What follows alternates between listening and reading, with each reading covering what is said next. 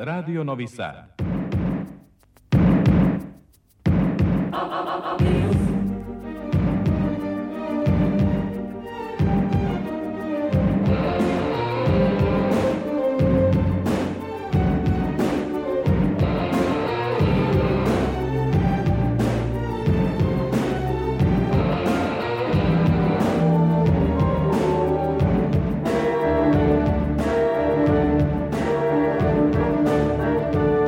Spektar.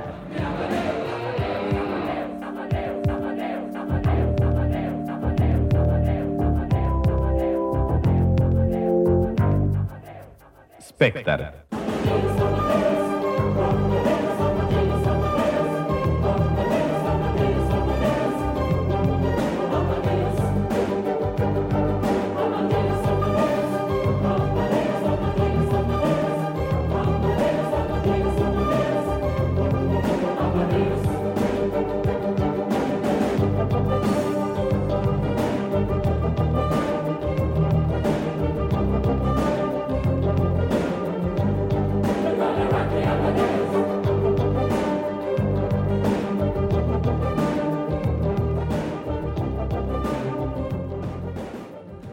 Dragi slušalci, dobroveče.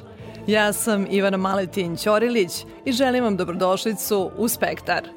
Da umetnost ogledalo sveta, svetoči programski luk Seobe koji je obeležio ovaj mesec u Novom Sadu kao Evropskoj prestonici kulture. Migracije i pozitivne posledice kretanja stanovništva, bogatstvo različitosti i njihov uticaj na umetnost Teme su te programske celine koje ćemo posvetiti i najveći deo večerašnje emisije. Od ostalih rubrika na početku izdvajamo.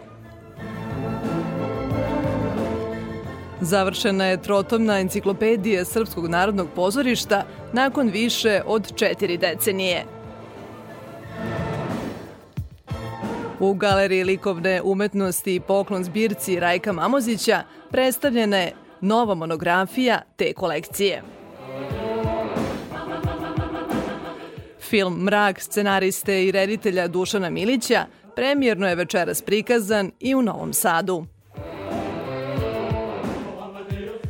Naša kuća obeležila je završetak snimanja prvih deset epizoda radio-dramskog serijala Kosingas. Počeli prolećni brankovi dani u Sremskim Karlovcima. Počinje Spektar, magazin za kulturu, radio Novog Sada.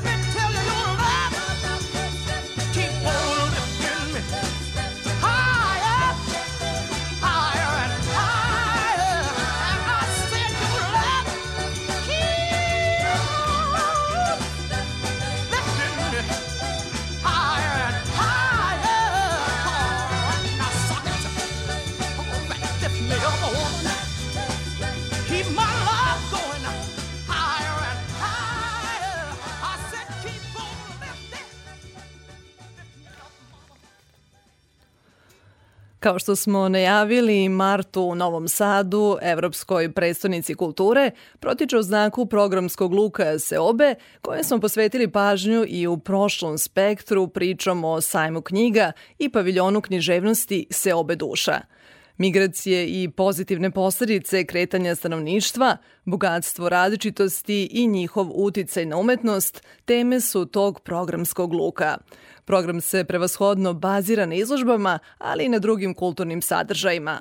U Muzeju Vojvodine, tako do kraja aprila, možete da pogledate postavku tamo gde se oba završava, od rimske panonije do današnje Vojvodine. Čineći interdisciplinarni iskorak u interpretaciji i prezentaciji kulturnog nasleđa, izložba uključuje i monodramu, krvi blato i filmski esej Tragovi se oba. U monodrami rimskog legionara Dizona, čije ime je ukleseno na jednom od pozlaćenih rimskih šlemova u muzejskoj kolekciji, tumači glumac Srpskog narodnog pozorišta Jugoslav Krajnov. Jedna univerzalna tema, vekovi prolaze, ali sve ostaje isto. Šlem je rezultat jedne velike ambicije, jednog tračanina koji je uspeo, ali uspeh ima svoju cenu. On je postao veliki vojskovođa, u stvari ostao usamljen čovek koji je na kraju svoje kosti ostavio u tom istom blatu da je stalno ratovao.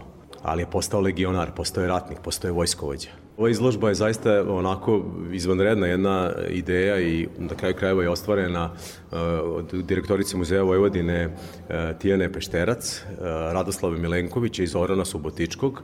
Tijana je došla na ovu ideju zajedno sa Raletom Milenkovićem, a Zoran i Rale su napisali divnu monodramu Krvi i blato koju ja igram. Ljudi dođu da pogledaju ova tri šlema, postoji 15 u svetu, mi imamo tri što je velika stvar. Uz monodramu ljudi imaju priliku i da pogledaju film, tako da je to jedan veliki multimedijalni užitak i jedan onako lek za sva čula, za sve one koji dođu da pogledaju ovu izložbu.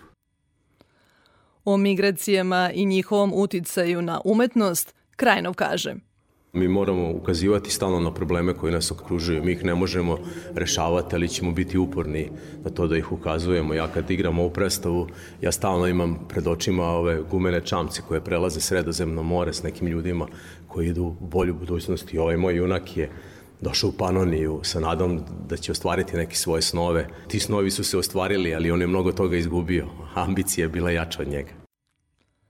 Izložbu tamo gde se oba završava od rimske panonije do današnje Vojvodine prati i filmski esej Tragovi se oba.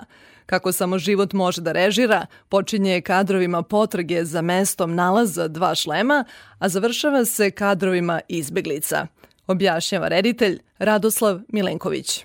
Rad na filmu i scenariju koji smo napisali gospođa Pešterac i ja i naše istraživanje za taj film nam je omogućilo da e, se hteli ne hteli neminovno, znači sretnemo sa temom Seoba koje su, vi sad imate nekog varvarina koji u rimskom carstvu iz ambicije zaslužuje jedan šlem i koji je otkopan u 20. veku, a onda kad pođete tamo onda vidite da od toga koliko morate pečata da dobijete u, u, u pasošu da biste stigli do Šida, do Berkasova, koliko je ovaj, sveža istorija, koliko je starija istorija, jedan narod, Klementi ili Klimenti, koji živi u Hrtkovci, ima svoju crkvu, do toga da, da ako čitate usput dobru knjigu, a na primer čitate Seobe Crnjanskog, onda vidite da ovaj region je, on je zapravo istorija Seoba i da se tu stalno dešavaju Seobe,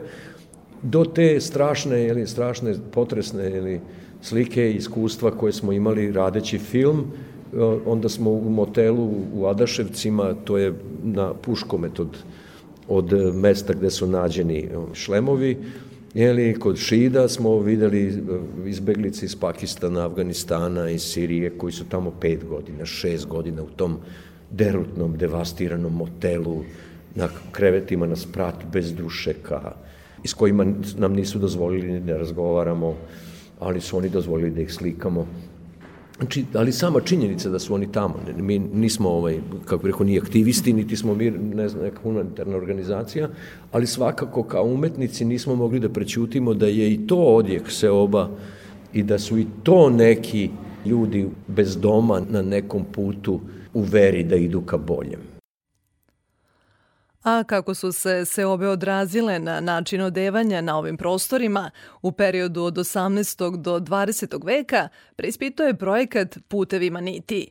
U sklopu programskog luka Seobe realizuje ga Futoški kulturni centar Mladost, objašnjava urednica kulturnog programa te ustanove Aleksandra Dobrin. Mi smo negde kroz projekat hteli da povežemo ono po čemu je naš kulturni centar prepoznatljiv, a to je rad na polju i u sferi očuvanja kulturnog nasledđa, naročito folklornog nasledđa i narodnih nošnji kao specifičnog vida kulturnog nasledđa, te smo tako narodne nošnje povezali zapravo sa seobama, jer same narodne nošnje su same po sebi dokument i istorije, ali i nose uvek lični pečak onog koji ih je izradio. Kada razmišljamo o današnjoj garderobi, ona je proizvod industrije, a nekada je odeća bila proizvod pojedinca. I zapravo u svakom tom komadu narodne nošnje utkana je i duša onog koju je pravio.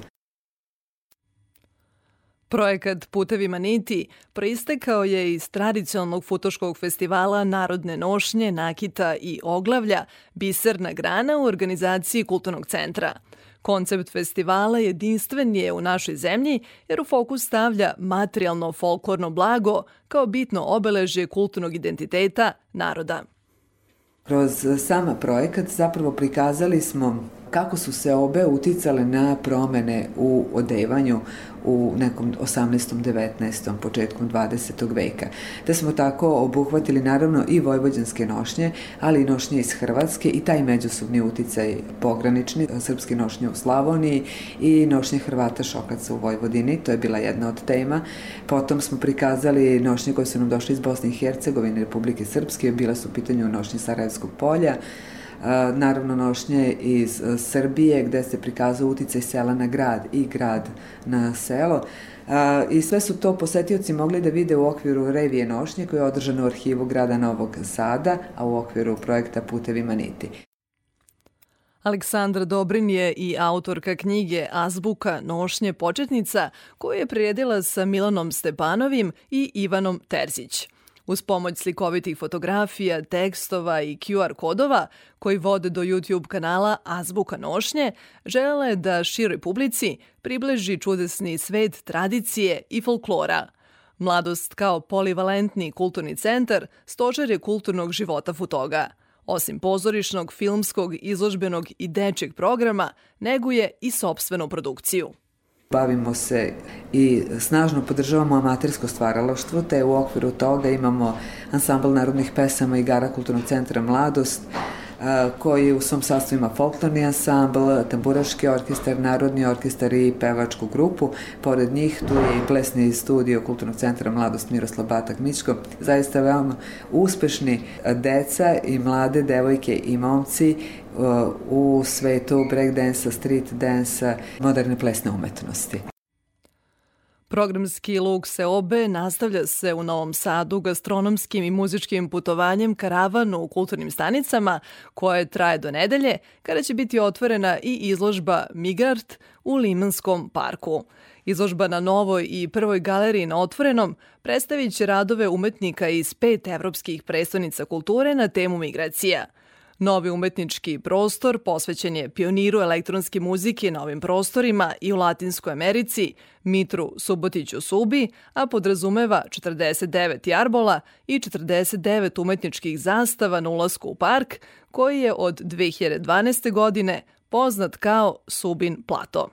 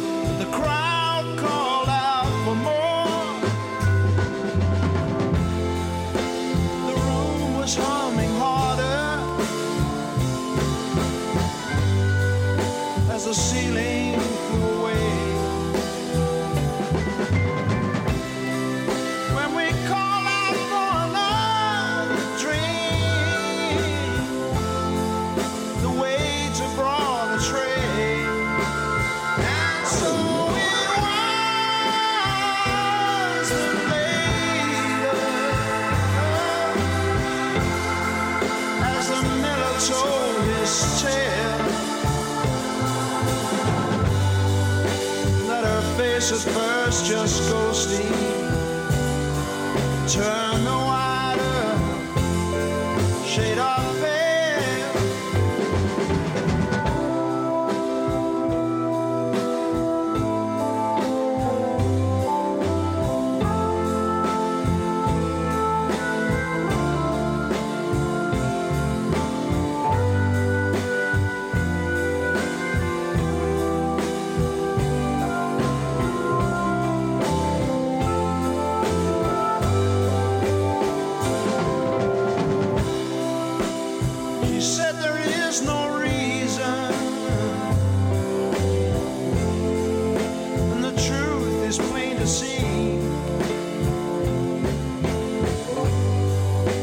I wander through my playing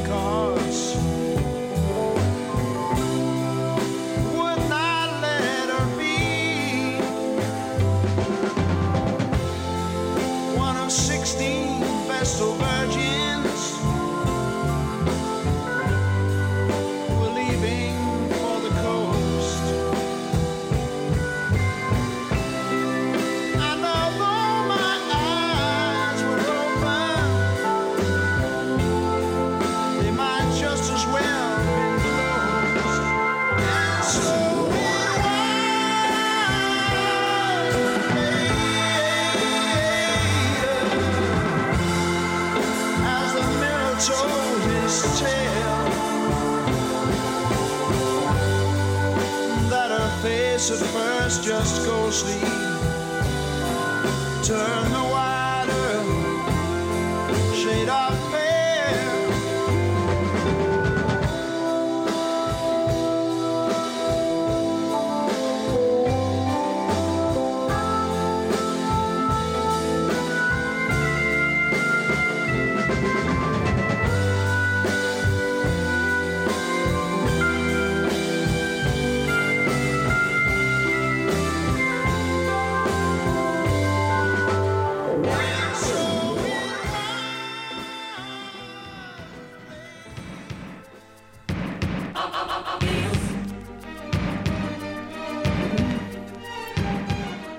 ...22 sata i 29 minuta. Pratite Spektar, magazin za kulturu Radio Novog Sada. U Galeriji Matice Srpske traje do kraja aprila izložba migracije u umetnosti Umetnost migracija. Bavi se temom migracije u svetskoj i savremenoj umetnosti u delima svetskih velikana, poput Marka Šagala, El Greka i Elizabeth Viže Lebren, i u radovima naših umetnika koje ikonički predstavlja Seoba Srba Paje Jovanovića. Poseban segment postavke jeste promišljanje savremenih umetnika o gorućoj svetskoj temi. Kako oni razmišljaju i kakav su kontekst dala dnevna dešavanja, govori kustos Luka Kulić u razgovoru sa Aleksandrom Rajić. Ovaj vaš deo postavke istražuje, naravno, migracije, što jeste i tema ove velike izložbe, ali odnos savremenih umetnika prema temi i pojavi e, migracija. Dakle, reč je o univerzalnosti, ali istovremeno i jednoj e, izrazitoj aktuelnosti teme, pogotovo zaoštrene evo, ovih poslednjih dana, ovim istorijskim prelomima kojima prisustujemo i to zaoštreno do krajnjih granica. Jeste li zadovoljni s ovim izborom? Dakle, kako ovo se ovaj vaš izbor sada odnosi prema migracijama u svetlu možda ovih i čak i dnevnih pojava? Ono što smo mi želeli jeste da, da negde kroz savremenu umetnost i kroz onaj deo koji se tiče angažovanog e, umetničkog stvaralaštva, preispitamo taj odnos između same umetnosti i e, važnih društvenih tema, važnih, velikih, problematičnih i kroz svaki neki pojedinačan rad da se dotaknemo određene neke tačke koje se tiče fenomena migracije u ovom nekom aktualnom društveno-političkom kontekstu.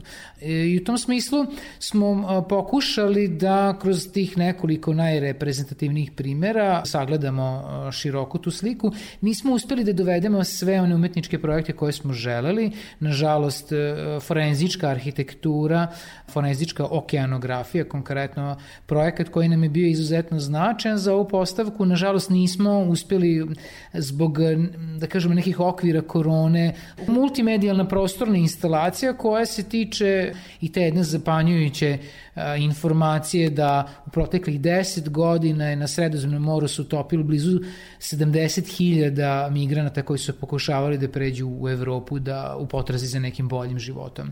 A, a ove, ovi ostali primeri mislim da jako dobro odgovaraju na, na našu temu i da kroz nekoliko ključnih pitanja koje smo postavili, jedno je to šta umetnost može da učini za društvo, drugo pitanje empatije društva, odnosno odsustva empatije u društvima koji nisu direktno pogođene migracijama, pozicijom e, društva u odnosu na upravo tu neku, da kažem, uslovno rečeno poziciju gde e, društvo i pojedinci nisu direktno zakačeni, da kažemo, e, velikim migracijama, pitanjem političnosti umetnosti i njene angažovanosti, kada je ona u svrsi preispitivanja određene društvene teme ili da i odnosno pitanja da li je umetnost uopšte može da bude apolitična da kažemo tako.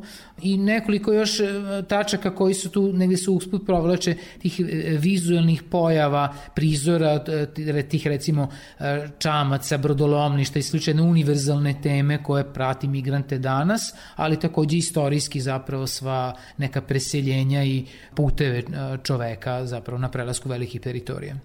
Imate zaista, zaista uh, različite rešenja kojima su umetnici odgovorili na problem migracija od jednog ironičnog uputstva koje radi Mladen Miljanović do jednog potpunog aktivizma koje rade uh, umetnički par Rena Redl i Vladan Jeremić.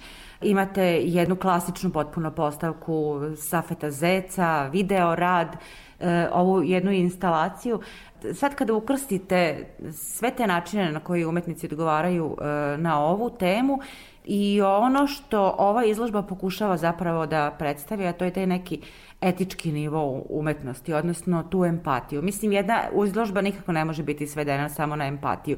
E, šta ste ustanovili? Ono što je bila isto neka um, početna ideja za samu postavku, da kažemo, je uh, to da smo želi da, da izložba i postavka budu vrlo i vizualno i sadržinski raznovrsni, da bismo uputili na brojna različita stanovišta sa kojih posmatramo ovaj društveni fenomen i brojna različita stanovišta kada je u pitanju, kada su u pitanju mišljenja i stavovi, kako bismo negde pokušali da postaknemo kroz tu raznovrsnost publiku da razmišljaju sa različitih nekih pozicija, da pokušamo da postaknemo da se predrasude razbijaju, da se prispita svoje neko iskustvo obrazovanje i e, predubeđenje kada su u pitanju e, uopšte društvena kriza migracije. I sa te strane nam je dosta dobro poslužila i taj interaktivni zid na samom ulazu i izložbe koji gde smo ostavili publici mogućnost da odreaguju na fenomen migracije, postavljajući pitanje šta migracije znači za njih, da smo kreirali jedan prostor za publiku da nam daju njihovo neko viđenje u jednom sada, da kažemo, um, zidu koji predstavlja neku vrstu grafita, da kažemo, i koji je potpuno išaran sa uh, različitim stavima, što je negde odgovorilo dobro upravo na tu poziciju da vidimo da postoje brojni, različiti, vrlo oprečni stavovi kada su u pitanju od nekih stavova društva koji posmatraju to da ne kažem nekako romantičarski, da doživljavaju pitanje migracija kroz neku avanturu, neki doživlji upoznavanje nečeg novoga do, do jednog, jednog zastrašujućeg terora, e, strahova i, i ljudske patnje koje prati te ljude koji napuštaju svoje domove, odriču se svega svog, svog nasleđa, porodica, imovine. I idu u novi život ili u sobstveni krah, da. Idu na izvesnost jednom pre svega. Dakle, oni imaju jednu ideju uh, boljeg života, ali realno ne poznaju taj uh, novi, novu sredinu u kojoj se sele. U tom smislu je zanimljiv rad Mladena Miljanovića koji kao polaznu tačku uh, koristi tu tezu da su to ljudi koji dolaze sa drugih kontinenta, koji, koji prelaze velike uh, geografske udaljenosti, prelazeći i prirodna stanovišta, ali i urbane prostore koji su im potpuno kulturološki, istorijski, jezički potpuno nepoznati. Samo kad uzmemo to za činjenicu, dovoljno je prelazak preko nekih brda, planina, livada i slično koje ne poznajemo bez orijentira, ali prolaze gradove, sela i, i neke građevine koji su im potpuno vizualno nepoznati, zapravo jedna potpuno, potpuno neizvesnosti u samom tom putu prelaska, a onda i borak u nekoj društvenoj sredini za kojim mogu da se formiraju samo neke određene ideje kako to može da funkcioniše. Ima li na vašoj izložbi teze, odnosno odgovora na pitanja umetnik kao migrant, e, e, kakav je umetnik kao migrant, ima li on možda neki veći socijalni kapital od običnog migranta? Pa, to je da kažemo istorija Evrope praktično cele. E, segment ove izložbe koji se tiče upravo tih e, poznatih evropskih istorijskih umetnika koji su ili doprineli na, da kažemo, svojim preseljenjem ili je to preseljenje snažno uticalo na njih. Tako da ono što, što kao Evropa danas baštini kao jedno od svojih najvećih vrednosti jeste upravo taj diverzitet. A diverziteta nema bez, bez migriranja i nema bez upravo te komunikacije različitih kultura, istorija, nacija, jezika, e, ideja, e, sadržaja, poruka i svega onoga što ta, to preseljenje zapravo nosi sa sobom. Mi kada govorimo o prostoru Vojvodine, govorimo o jednom multinacionalnom prostoru, prostoru koji je definisan danas brojnim migracijama i, i srpskog naroda, ali svih onih drugih nacionalnih a, grupacija koje su ovde prolazile, nastanjivale se i ono što mi a, prepoznajemo kao vrednost a, i Novog Sada i Vojvodine i na kraju krajeva i, i celog Balkana jeste upravo taj suživot različitih nacija i religija i ta neka razmena i ono što ja lično smatram kvalitetom svog nekog života i obrazovanja jeste taj upliv različitih e, istorijskih i kulturoloških e, priča i sadržaja. Da, tu možda eventualno napraviti razliku između stvarno ovih migracija kao životnih priča i nečega što je umetnički nomadizam, recimo savremen ili neki u prošlosti. Jasno, da, to, to su, da kažemo, i u umetničkom stvaralaštvu opravdani postupci, da nešto što možda može da funkcioniše paralelno sa angažovanim umetničkim stvaralaštvom koji preispituje društvenu krizu i, da kažemo, aspekte onoga što prepoznajemo kao problematično i nečega što je, da kažemo, specifičnost nekog svojevrsnog umetničkog života, tog umetničkog nomadskog života, koji sa sobom nosi tu, tu dozu istog tog preispitivanja društvenog i kulturološkog, ali ima kao polaznu tačku to jedno e, preseljenje i put kao iskustvo, sagledavajući ga ni, ni u negativnom ni u pozitivnom kontekstu, ali preuzimajući pre svega to putovanje i iskustvo tokom putovanja kao neki, da kažemo, narativ ili sadržaj tog umetničkog rada. Izložba traje do kraja aprila. Kako ćete dalje razvijati ovaj vaš segment?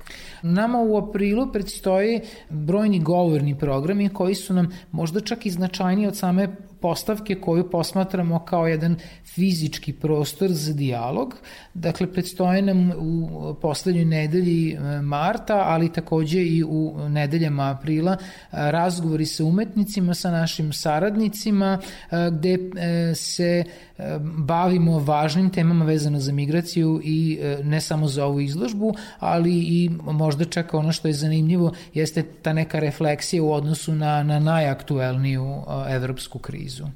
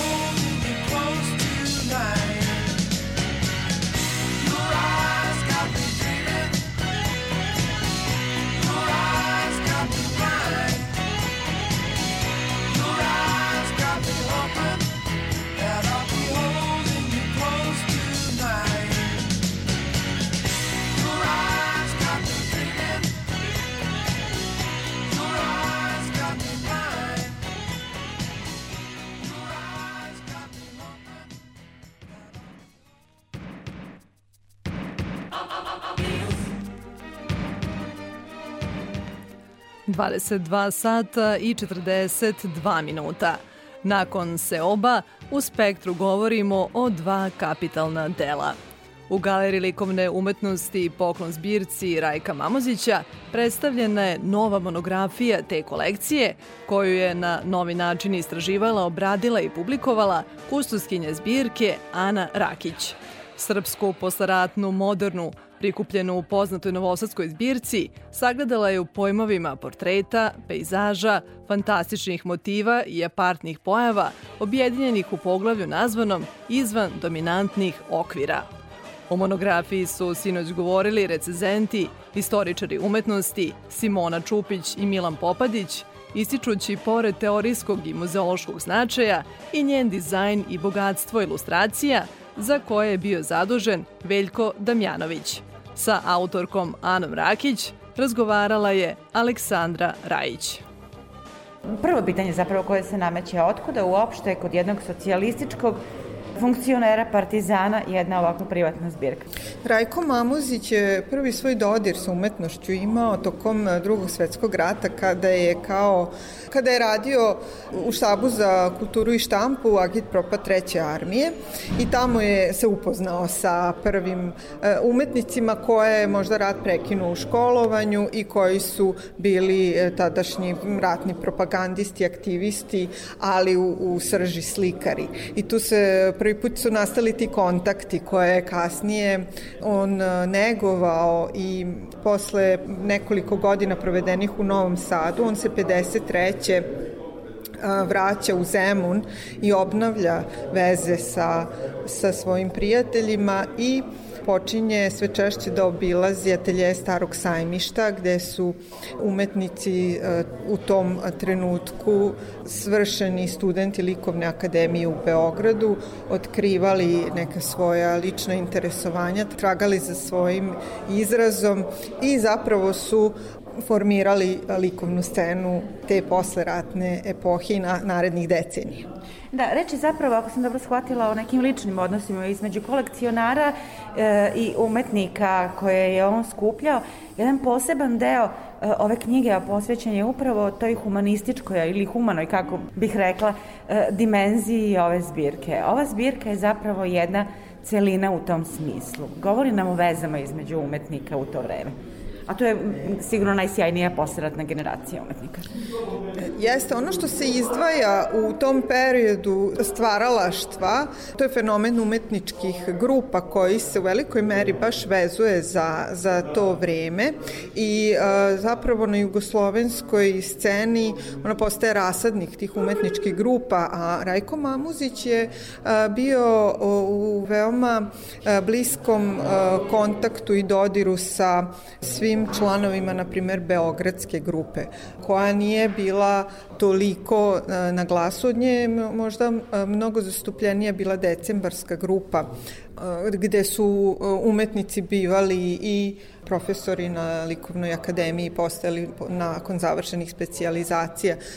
Rajko Mamuzić je okupio oko sedam autora iz Beogradske grupe i devet autora decembarske grupe, kao i mnogih drugih grupa. U tim grupama su se rađala prijateljstva, ljubavi, kolegijalnost, i neko saborništvo na koje su se oni oslanjali u tim prvim godinama svojih, svog stvaralaštva, svojih prvih nastupanja na izložbama, prvih prodaja slika i traganja za svojim izrazom. Koje ste još to oblasti, odnosno kako ste vi videli ovu zbirku? To nije ona klasična e, podela, hronološka podela zapravo umetnosti.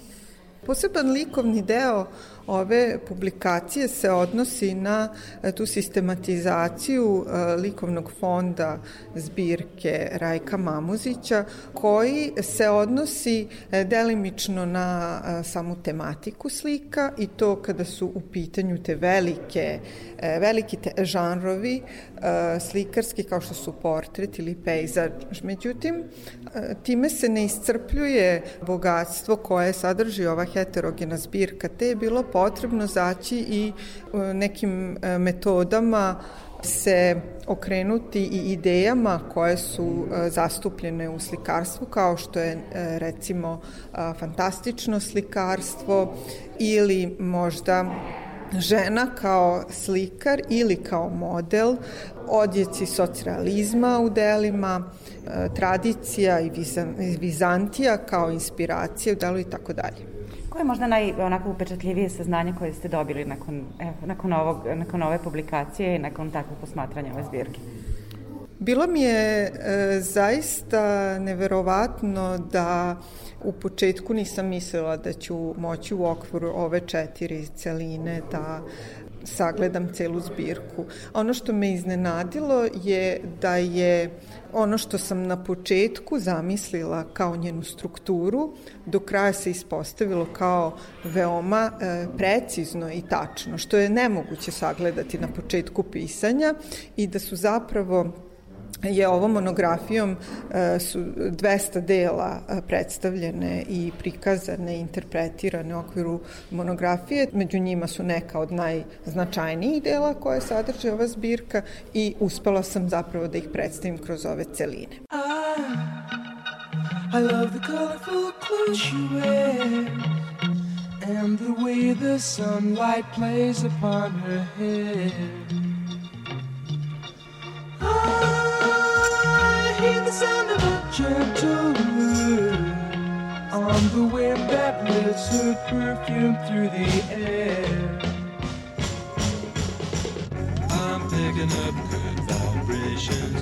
She's giving me the excitations. I'm picking up good vibrations. She's giving me the excitations.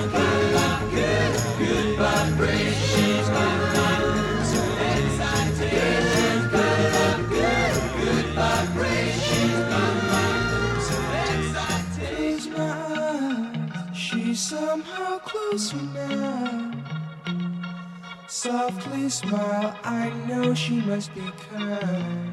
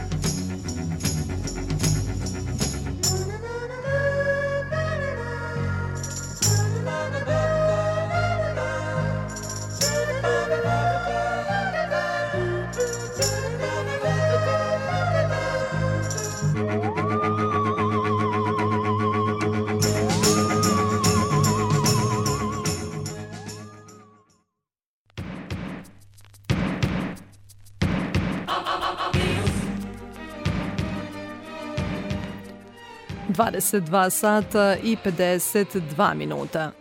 Trotomna enciklopedija Srpskog narodnog pozorišta nakon više od četiri decenije završena je.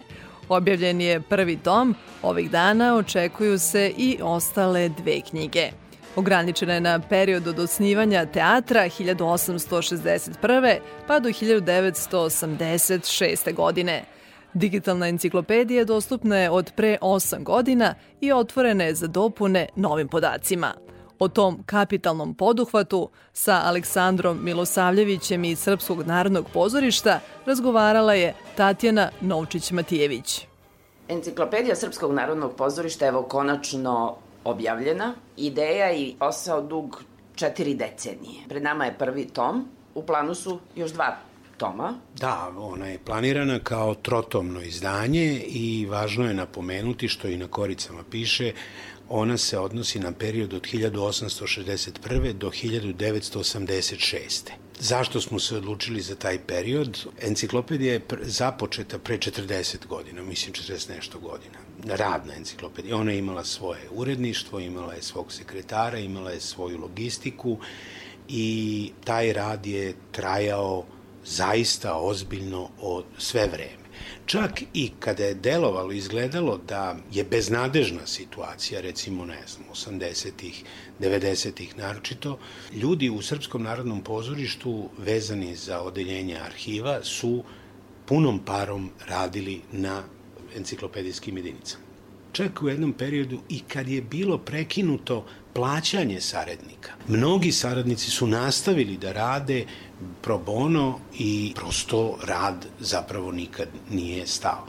2003. godine, kada je na čelu sa Milivojem Mlađenovićem došla nova uprava, onda smo rešili da ozbiljno aktiviramo ponovo ceo posao i tad je nastavljen intenzivan rad. Velika dilema je postojala do koje godine će enciklopedija da obuhvata. Bilo je mišljenja i to uglednih teatrologa da treba ići do datuma zaključenja enciklopedije. Znači, praktično, ako smo intenzivirali rad 2003. da to bude ili do 2002. ili do 2001.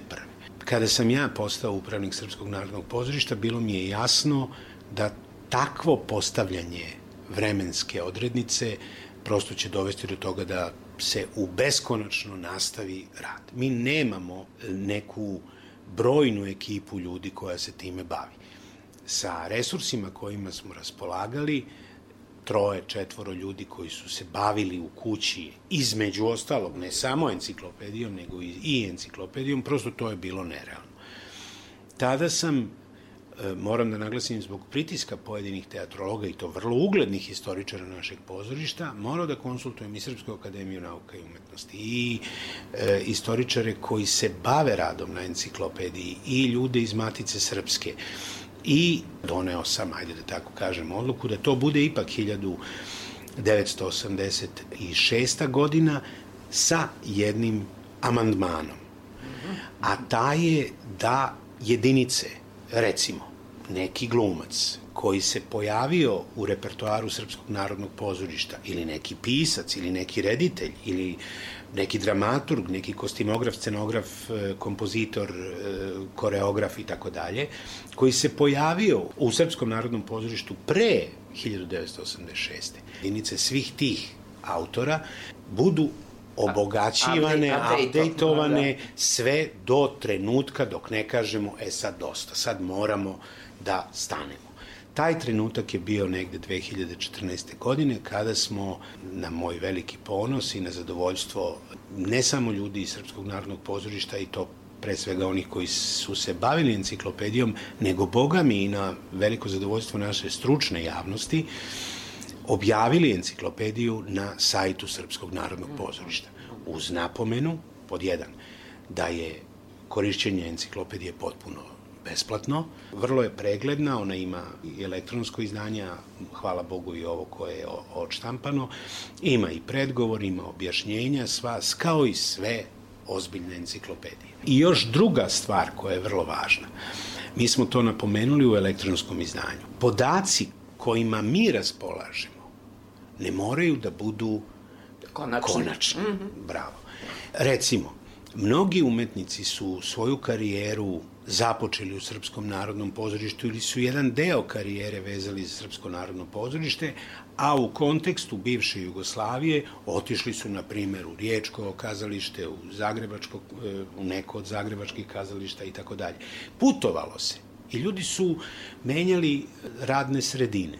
Nama je bilo naročito nakon raspada Jugoslavije jako, jako teško da dođemo do e, kompletnih podataka. To sam upravo htela da vas pitam. Dakle, tih stotinu i nešto godina je period vrlo turbulentnih promena. Je. Pazite, ono je turbulentno, izvinite samo što vam upadam u reč, mm. ono je turbulentno i bez raspada Jugoslavije. Da, da, naravno. Jer kad pogledate naravno. istoriju Srpskog narodnog pozorišta, vidite da je ona vrlo, što vi opravdano kažete, turbulentna i dramatična pokatkad. Hoću da pitam koliko su vam pouzdani podaci koje imate, gde ste sve morali da tragate, za, koliko je arhiva SNP bila dovoljna za osnovu za enciklopediju, jer znamo da se i srpsko narodno ka, kako da da da kako, kako je sve imalo istorijske ime, kontekste, jest. jest.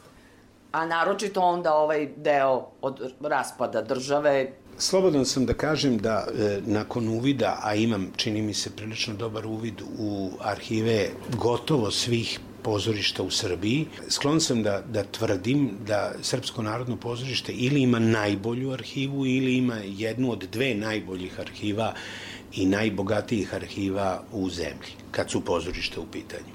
Naravno, pomoć smo tražili od nama bratskih i sestrinskih institucija kao što je Matica Srpska, na primer, ali i od, ja mislim, i mislim da vas neću, vaše slušaoce i vas slagati ako kažem svih pozorišta s teritorije bivše Jugoslavije. I pokad kad bi dobijali promptno odgovore, vrlo ažurno, vrlo e, značajne podatke vezane za formulisanje pojedinih enciklopedijskih jedinica, kad kad su ti odgovori izostali ili su jako mnogo kasnili. Vrlo je važno napomenuti, mi smo čitaoce elektronskog izdanja zamolili da ukoliko poseduju neke informacije, neke podatke, da nam te podatke dostave, mi ćemo ovde u arhivu to e, proveriti i naravno objaviti. I evo, kuriozitet je recimo da e, u vreme kada je došao u Srpsko narodno pozorište, ima tome više od 10 godina, kad je prvi put došao, recimo Laslo Blašković, koji je sada urednik izdavačke delatnosti ovde u pozorištu, je konstatovao da njegov rođak jeste bio član e, ansambla, a i da nema potpunu jedinicu. I onda nam je on pomogao svojim informacijama da tu jedinicu zaokružimo.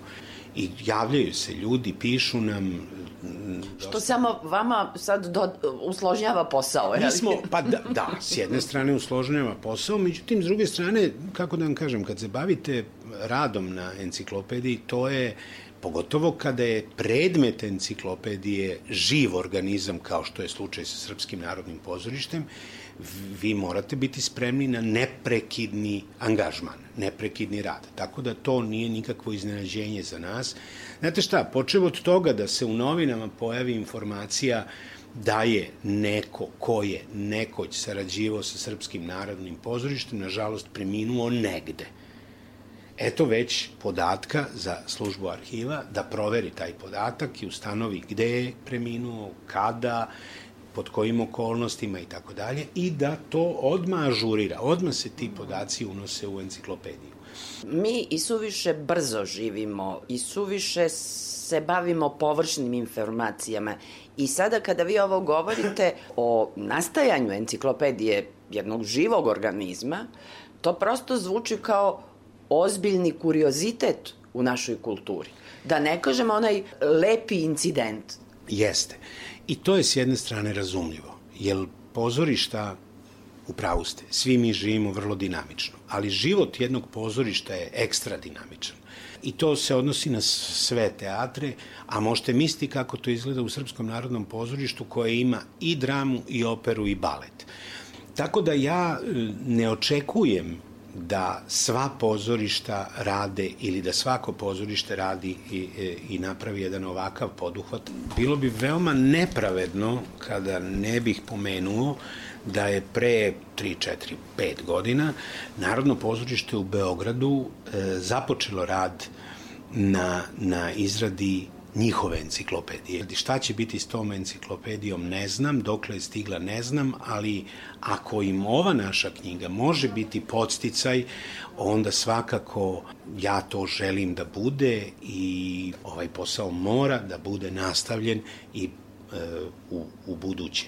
Zašto je to važno za Srpsko narodno pozorište? Pa otuda što je pozicija Srpskog narodnog pozorišta teatarskom životu Srbije, a boga mi ne samo Srbije, vrlo specifična.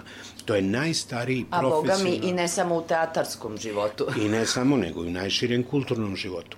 E, to je najstarije profesionalno pozorište koje bez prekida radi od 1861. Starije je pozorište u Kragujevcu, ali ono nije bilo profesionalno, ono je imalo vrlo značajne prekide u radu.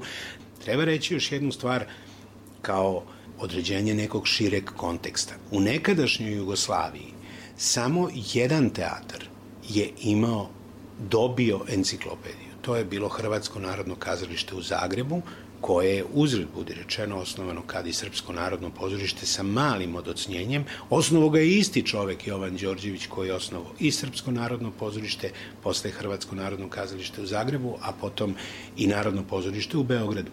Ta enciklopedija je izašla negde 50. godina prošlog veka.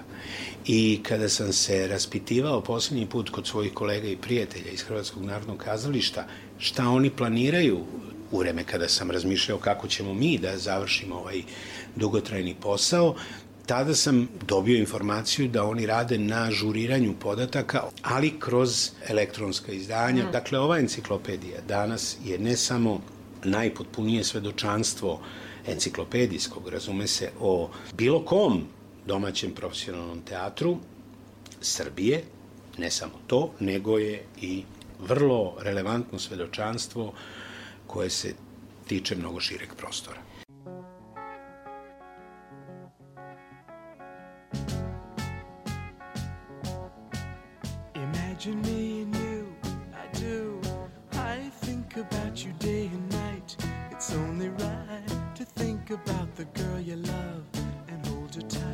So happy together.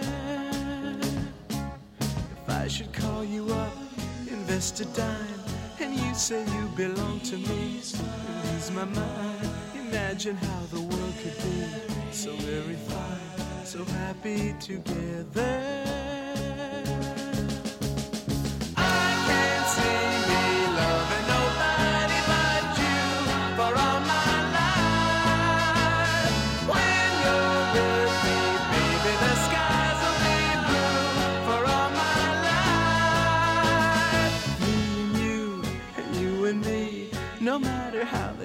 The dice, it had to be. The only one for me is you, and you for me, so happy together.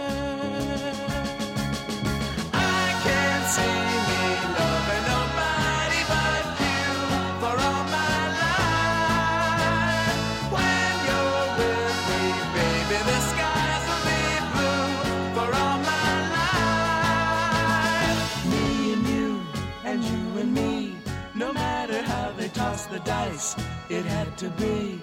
The only one for me is you, and you for me, so happy together.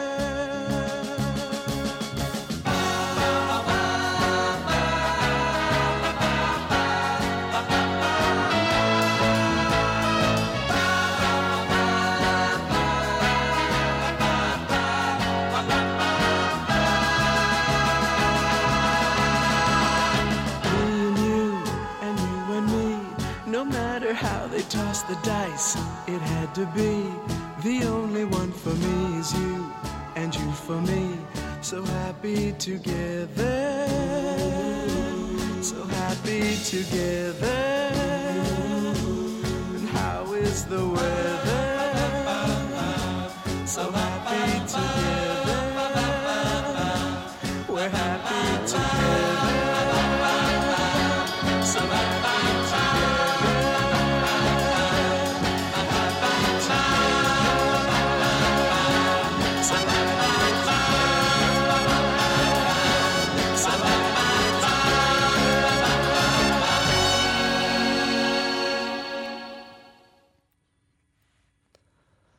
23 sata i 7 minuta. U nastavku Spektra, magazina za kulturu Radio Novog Sada, govorimo o jednom značajnom događaju za radio televiziju Vojvodine. Naime, naša kuća obeležila je ove sedmice završetak snimanja prvih deset epizoda radiodramskog serijala Kosingas. Serijal je nastao na osnovu tri romana epske fantastike Aleksandra Tešića, Red zmaja, Bezdanj i Smrtovanje. Reč je o jedinstvenom projektu u 46 godina dugoj istoriji našeg programa. Naime, prvi put je snimljen serijal tog obima, rađena adaptacija romana kao kombinacija audio knjige i radio drame i korišćena binauralna tehnika, objašnjava urednik dramskog programa na srpskom jeziku Slobodan Govorčin.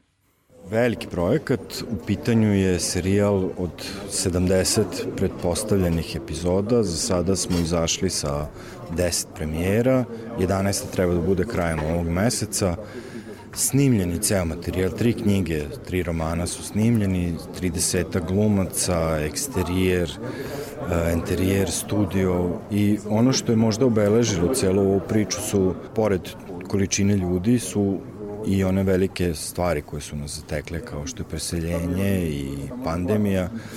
U jednom trenutku smo pomislili možda nećemo sve to uspeti, ali desilo se neka magija da su ljudi koji su bili na ovom projektu svi zdušno ovaj, prionuli da se to završi i ispalo je sve mnogo bolje nego što smo očekivali, što može da se vidi i po komentarima, brojevima pregleda. Ideja cela je bila da ne samo uradimo jedan nesvakidašnji veliki projekat, nego da konačno okupimo neku stalnu publiku i da ta publika iz dana u dan čeka novu premijeru. To smo uspeli i zbog toga smo jako srećni. Ton majstor radio televizije Vojvodine Aleksandar Marković zaslužen je za izuzetan radiofonski domet serijala Kosingas. Tehnika kojom je sniman obezbedila je i bolju percepciju, što potvrđuju pregledi na sajtu RTV-a, kaže Marković u razgovoru sa Tatjanom Novčić-Matijević. Imamo posla sa jednim ivanserijskim tehničkim rešenjem. Binauralni Jeste. serijal. Tako je. Binuralna tehnika snimanja, ona postoji iz, još iz 1250 neke godine kao teorija, da bi 1930 neke čuvena ta Kunstov glava projektovana u koju se smeštaju dva mikrofona, pa eto da vam pojasnim čisto tehnički, opet nekim laičkim jezikom da bi svi razumeli.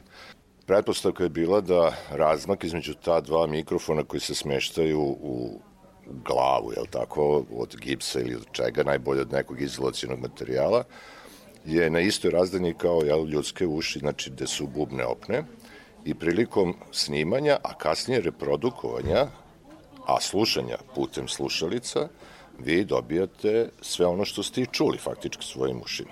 E sad, draž binauralnog snimanja je taj što postoji kako prednja, tako i zadnja strana, kako leva, tako i desna i subjektivni osjećaj da nešto ide gore preko vas i ispod malo teže, jer mozak to ne može da detektuje i da sračuna. I to je bila ideja naša kada smo uopšte počeli da razgovaramo o Kosingasu, prvenstveno govorčin ja, da se približimo mladima koji su, moramo se složiti, svi na slušalicama. I slušaju, možda i ne znaju, i loš kvalitet, a možda i dobar kvalitet.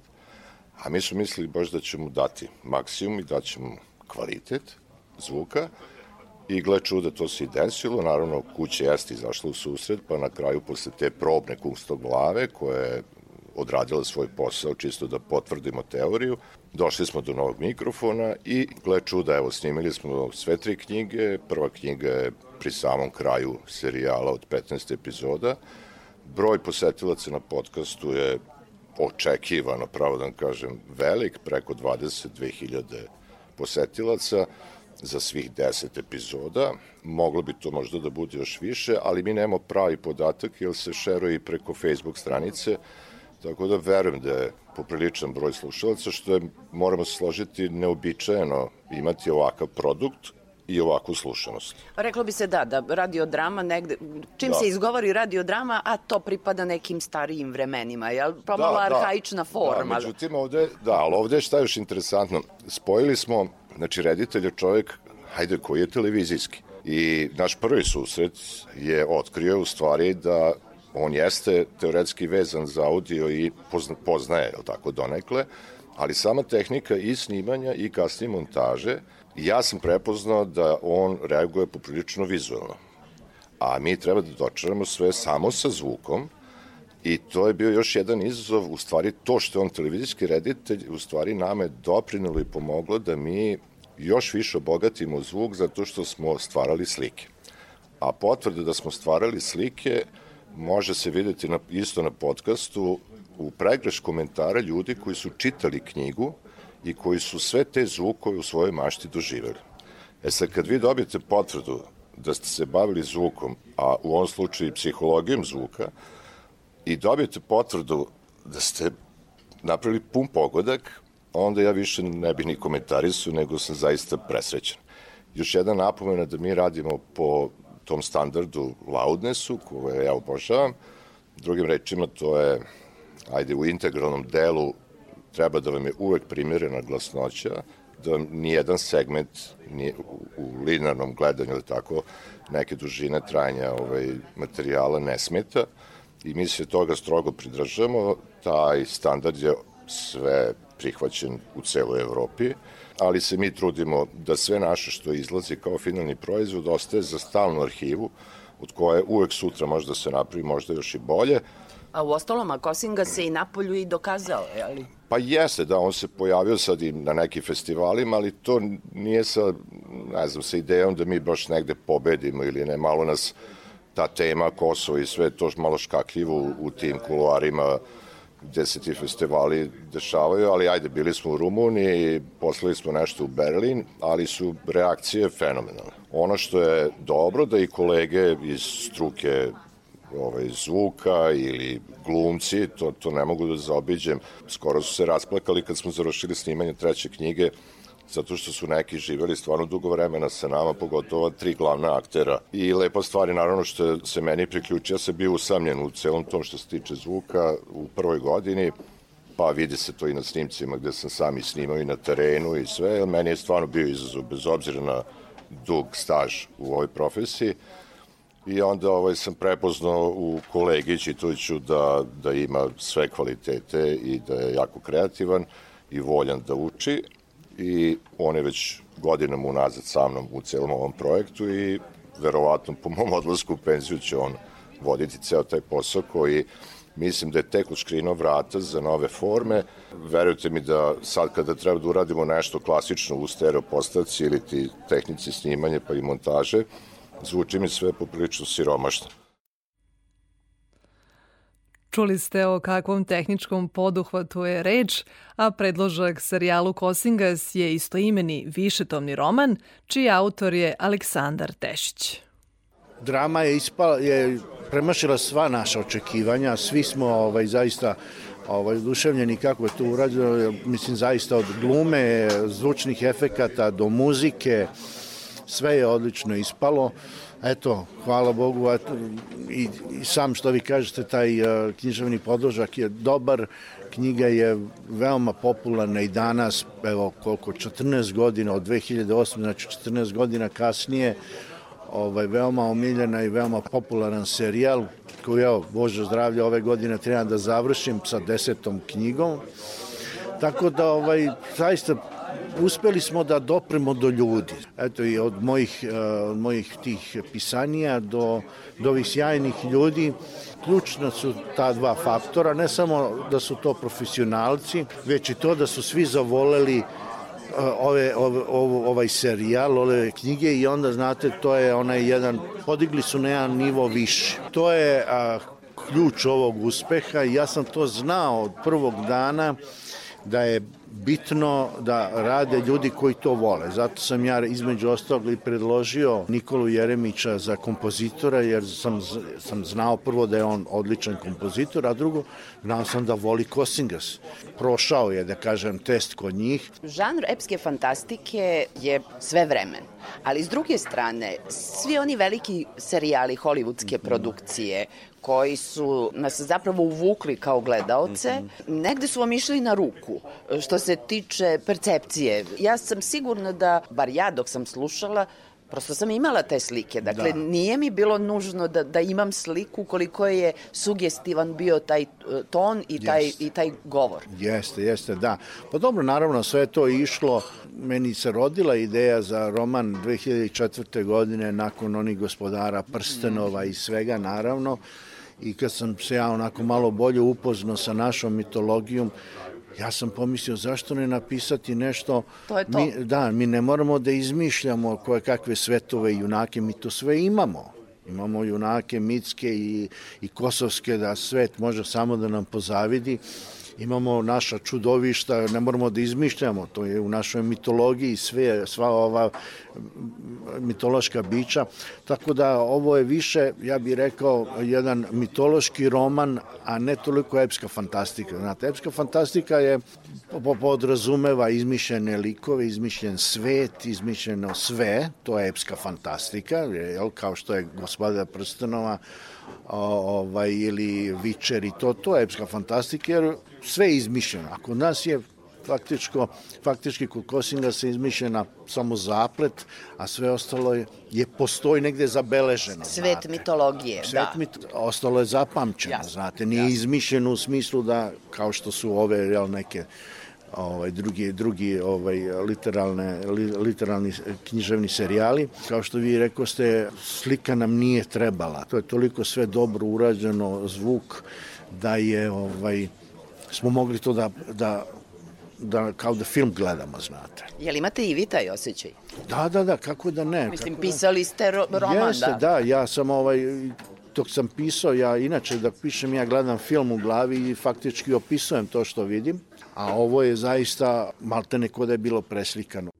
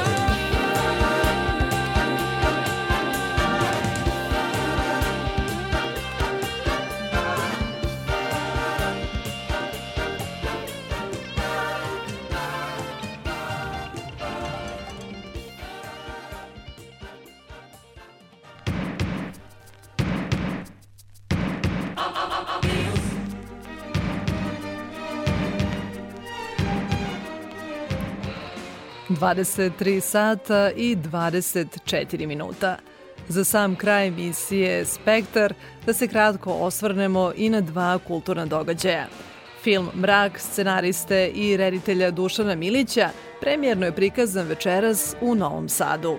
Inspirisan je istinitim događajem, odnosno pismom devojčice nakon martovskog pogroma na Kosovu i Metohiji, kaže reditelj Milić. Tema je takva da je morala da bude obrađena na taj način. Kada sam krenuo da pripremam moj film, onda sam uh, proputovao čitavo Kosovo. Govorimo o srpskim enklavama 2017-2018. godine. Video sam raznorazne stvari, ono što sam naučio u stvari, video sam da te sredine koje su male, te srpske sredine, što, su, što je manja ta enklava, što je manja sredina, to je život teži bio. Tako da sam se odlučio da napravim praktično je to jednoj minijaturno, mini, mini enklavi gde ne živi više od desetak, 15 srpskih familija da napravim priču. A to je bila kao ta neka inicijalna kapisla kada sam ja pronašao taj, kad sam pročitao slučajno u novinama taj članak gde se ona obrata, obraćala u tom trenutku to tadašnjem predsedniku Srbije a, sa tim mukama kako žive Srbi južno od Ibra pre svega i kako žive deca dole u tim enklavama i to je bilo tako jedna rekao bih emotivna bomba u tih nekoliko pasusa koje ta devojčica tadaš, tadašnja 12-godišnjakinja, 13-godišnjakinja napisala, da je to bila automatski odmah priča za film i onda sam ja oko toga krenuo da, da pravim tu priču o mraku, u stvari o strahu, o telotvorenom mraku. Film Mrak možete pogledati na repertoaru domaćih bioskopa. A u Sremskim Karlovcima svečano je otvorena pesnička smotra Prolećni Brankovi dani. Ovogodišnja manifestacija u znaku je 175. godišnjice štampanja prve knjige pesama Branka Radičevića u Beču, a trajaće do 28. marta. Zabeležila Maja Stojanac. Nagrada Pečat Varoši Sremsko-Karlovačke stara je više od 50 godina, a dodeljuje se za najbolje knjige na srpskom jeziku. Ovogodišnji dobitnici su Andrija Radulović, Ivan Despotović, Milan Rakulje i Dajana Petrović. Prema rečima pesnika Milana Rakulje iz Banja Luke, manifestacija mu je pomogla u umetničkom oblikovanju potvrda mog pjesničkog rada, a meni lično e, potvrda emocije koje osjećam da sam dijete Brankovog kola u nekom pjesničkom smislu. U okviru prolećnih Brankovih dana će se nizom programa koji predstavljaju mlade talente obeležiti 198. rođendan tog pesnika, ali i Svetski dan poezije, kaže predsednik Brankovog kola Nenad Grujičić. Sremski Karlovci su mesto srpske duhovnosti i kulture, te je ono veoma značajno za mlade talente čija će poezija biti predstavljena u okviru programa, objašnjava Grujičić. Moto ovogodišnje manifestacije oličeno stihovima Branka Radičevića, što bi pesma da od srca nije, što bi srce da mladosti nije, najbolje opisuje tu manifestaciju, kaže predsednik Brankovo kola. Ovo što mi radimo jeste duhovna, lirska, životna lepota koja govori o smislu života i konačno koja govori o tome da su talenti kako pesnički, umetnički i uopšte talenti za bilo koju oblast višeg reda. Imamo misiju koja je nesvakidašnja, Tokom manifestacije biće predstavljeni i novi pesnički rukopisi mladih talenata, ukazuje Grujičić. Na Svetski dan poezije u bašti Brankovo kola učesnicima i publici biće darivane knjige dosadašnjih dobitnika Međunarodne nagrade Branko Radičević. Nastupiće mladi pesnici, dobitnici nagrade Stražilovo, Nikola Rausavljević, Jelena Vujanović, Milan Ćosić i Filip Božić Dejanović. U trima gimnazijama, Karlovačkoj, gimnaziji Jovan Jovanović Zmaj i gimnaziji Isidora Sekulić, biće prirećeni pesnički matineji đaka pesnika pesnika. 198. rođendan Branka Radičevića biće obeležen 28. marta u Novosadskoj osnovnoj školi Branko Radičević.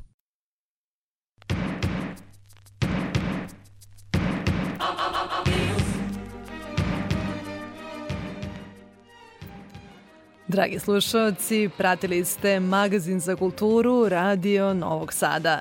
Moje ime je Ivana Maletin Ćorilić. Hvala na pažnji i želim vam prijetan vikend.